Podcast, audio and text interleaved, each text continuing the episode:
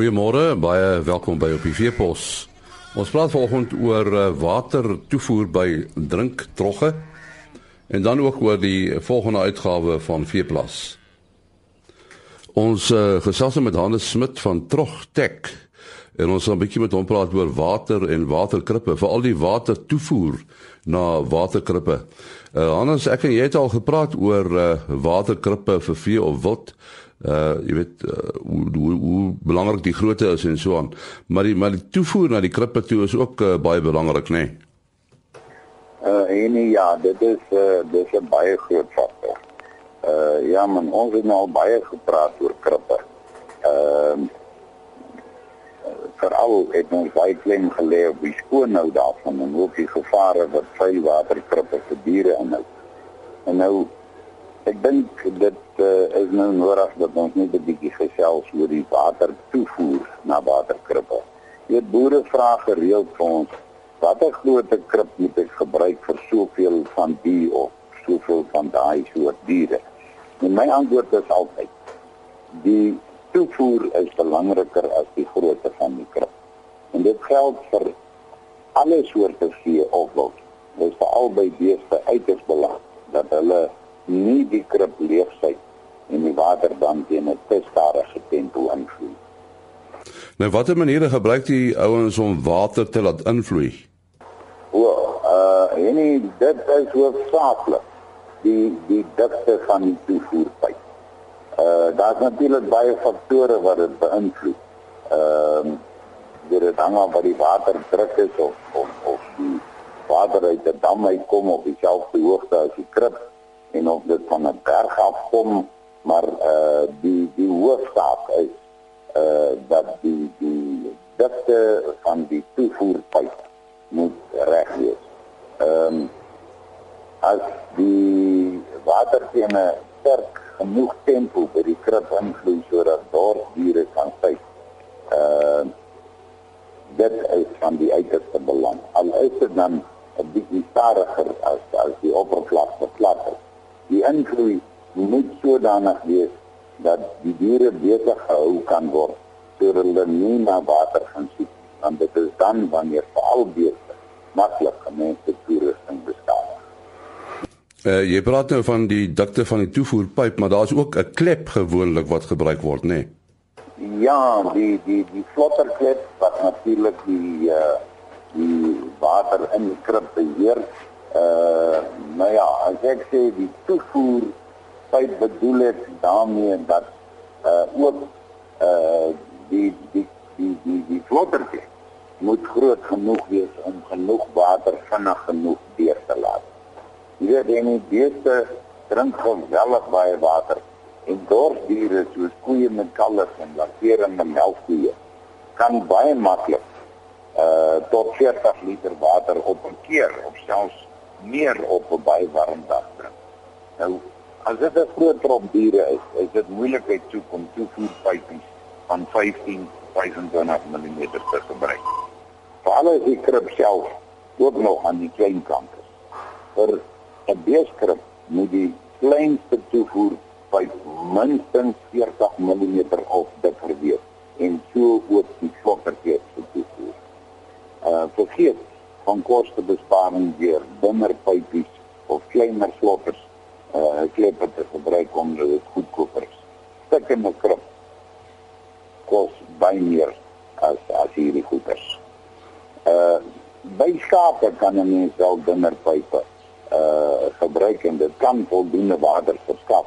Maar dan ook moet die boer maar probeer om nie kleiner as 25 mm te gaan nie want uh dit geld veral vir groot vertroppe en nog meer as die diere in 'n groot kamp loop waar die water net uit 'n dam kom uh, wat op dieselfde hoogte as die krib geleë is.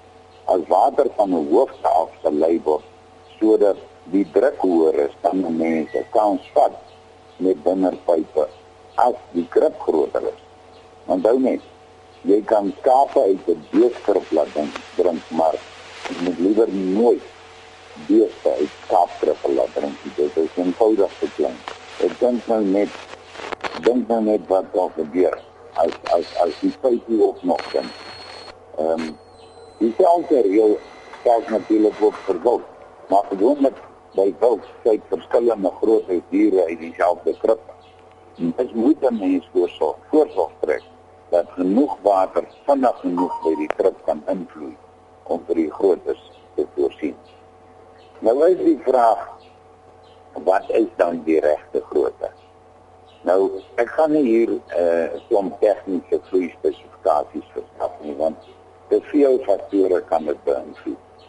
Al wat by die ding nodig is, is dat die boer net moet waarneem teen watter tempo water by 'n krib invloei en seker maak dat dit vinnig genoeg uh is vir die diere wat daar uit moet drink om te bespaar op dunner pype of kleiner vlotterkleppe om jou krippe vol te hou is is dis dis amper soos om 'n baadjie te koop wat te klein is net omdat dit goedkoper is dit gaan nie werk koop die regte grootte want grootte in die geval maak saak Nou alles daar is waarskynlik baie vrae. Wat is jou telefoonnommer? En uh Hier kan vir ons skakel by ons kantoornommer 057 355 1151 of hulle kan per davel ons bemarkingshoof skakel by sy selfoon 082 855 3445. Baie dankie, Hannes Smit van Trogtek. Hier is Albert Loubser nou met nuus oor veeplaas. 2016 is nou met ons. Ehm uh, mense kan dit amper nie glo nie, uh, maar Veeplaas beleef dan nou of gaan dan nou sy 7de jaar van publikasie in. En ons begin hierdie jaar met so 'n klein bietjie van 'n nuwe blaadjie. Ehm um, toe ons Veeplaas begin het, het ons 'n bepaalde plan gehad uh, van hoe ons wil gehad het moet lyk. Dit het ons 'n rukkie gevat om al die verskillende elemente bymekaar te sit. Maar uiteindelik in 2015 het ons min of meer die boek gehad wat ons beplan het. In 2016 het ons dis nie te veel verander van op hierdie plan nie, maar wat ons wel gedoen het, ons het net seker gemaak dat ehm um, al die verskillende elemente mooi ordentlik skoon gemaak en netjies bymekaar gesit is. So 2016 se Januarie uitgawe, die eerste uitgawe van hierdie jaar gaan dan ook in 'n sekere sin 'n nuwe veeplaas wees. Ons begin met 'n voorblad foto wat dan ook eh, 'n uh, foto van ons besoekartikel is van Gert Smit se Merinos. Uh, hy is die voorsteur van die Merino Teelers Genootskap. Uh, en dan sal lesers ook oplet dat in die jaar wat kom daar 'n groter verband met tussen die voorbladfoto en die inhoud van die boek gaan wees terwyl ons in die verlede net met temas gewerk het. Soos in die verlede is, is daar in elke van die verskillende afdelings en dis nou die vleis, eh, wol, suiwel en wild afdelings van die boek uh, sy eie hoofstorie. So ons fokus nie in in enige uitgawe net op een van hierdie kommoditeite nie, maar op elke een. Aan die vleiskant kyk ons bietjie in na die Sernet proef uh, wat Koffsies daar gedoen het. Dit is 'n uh, fantastiese resultaat wat daar verkry is uh, met baie interessante ehm um, uh, sake wat wat uh, nie noodwendig direk met die studiemateriaal te doen gehad het nie. In hierdie artikel gaan dan onder andere oor so 'n onderwerp wat dan vleissagtheid is. Ek dink uh, vleisboere sal dit baie geniet. Daar was sewe rasse, 35 diere per ras in die in die proef gewees wat uh, Nick Serfontein van Sernik uh, saam met die Universiteit van van Bloemfontein gedoen het. Uh dit is Philip Oosthuizen is die student wat met sy M-graad besig is. En van November verlede jaar tot met hierdie uitgawe het ons dan ook terugvoer oor hierdie uh proef gegee. In die wildafdeling kyk ons hierdie uitgawe na onwettige handel van wild. Uh, dis potensieel een van die groot krisisse vir die wildbedryf en ons kyk na wat die uh, uh, elemente is waarna gekyk moet word en hoe hierdie potensieel gevaarlike situasie ook geslaan kan word. Uh, dan weer in die in die verskillende tegniese afdelings wat dieregesondheid, voeding, teeling en in uh, uh, plaasbestuur is, kyk ons in die in die uh, gesondheidsafdeling na eiergesondheid vir 'n melkkoe. Uh hierdie tyd van die jaar is dis die melkkoe en piekproduksie. Dit is gewoonlik die die maand met die met die hoogste produksie in die land en ek dink daarom 'n baie goeie maand om bietjie na eiergesondheid te kyk. Ehm um, in die voedingsafdeling kyk ons ook 'n bietjie na die suiwelbedryf, die vo voeding van die melkkoe en ons kyk spesifiek na die veselinhoud van suiwelrantsoene. Uh, dis natuurlik nie die enigste onderwerpe waarna in hierdie twee afdelings gekyk word nie. Uh, daar word ook uh, um, uh, oor 'n wye spektrum na die ander kommoditeite en die ander uh, uh, boerderytipes ook gekyk. In die teelingafdeling is daar 'n interessante artikel. Ek het die voorreg gehad om uh, uh, so 'n paar maande terug België te besoek om 'n bietjie te kyk na die Belgian Blue uh, met sy geweldige dubbelbespiering. Nou, dit is nogal regtig ehm um, 'n moeilike ding om te verteer uh, om die diere te sien wat soveel anders te lyk as wat ons gewoond is. Ehm um, hulle gee letterlik uh, orgaanspasie prys om plek te maak vir die spiere. Jy moet heeltemal anders met hulle boer om hulle te uh, goed te doen. Uh, 95% tot 99% van alle koeie kan slegs deur middel van 'n keisersnit geboorte skenk. So dis nog dis nogal regtig 'n interessante uh, om te kyk hoe daai praktyk werk. Uh, baie onwaarskynlik dat dit in Suid-Afrika sal sal posvat, maar tog belangrik dat ons kennis neem van wat in die res van die wêreld gebeur. En dan in in die uh, plaasbestuur afdeling is daar ook 'n interessante artikel en sommer bietjie naby aan die vel via Lombard is uh, is een van die mede-auteurs van hierdie artikel. Uh uh Henny van Niekerk is die is die ander een. Ehm um, en dit gaan oor 'n studie wat hulle gedoen het oor vee diefstal in die Vrystaat wat uh dink ek baie goeie lig werp op hierdie potensieel heel grootste bedreiging vir ons veebedryf.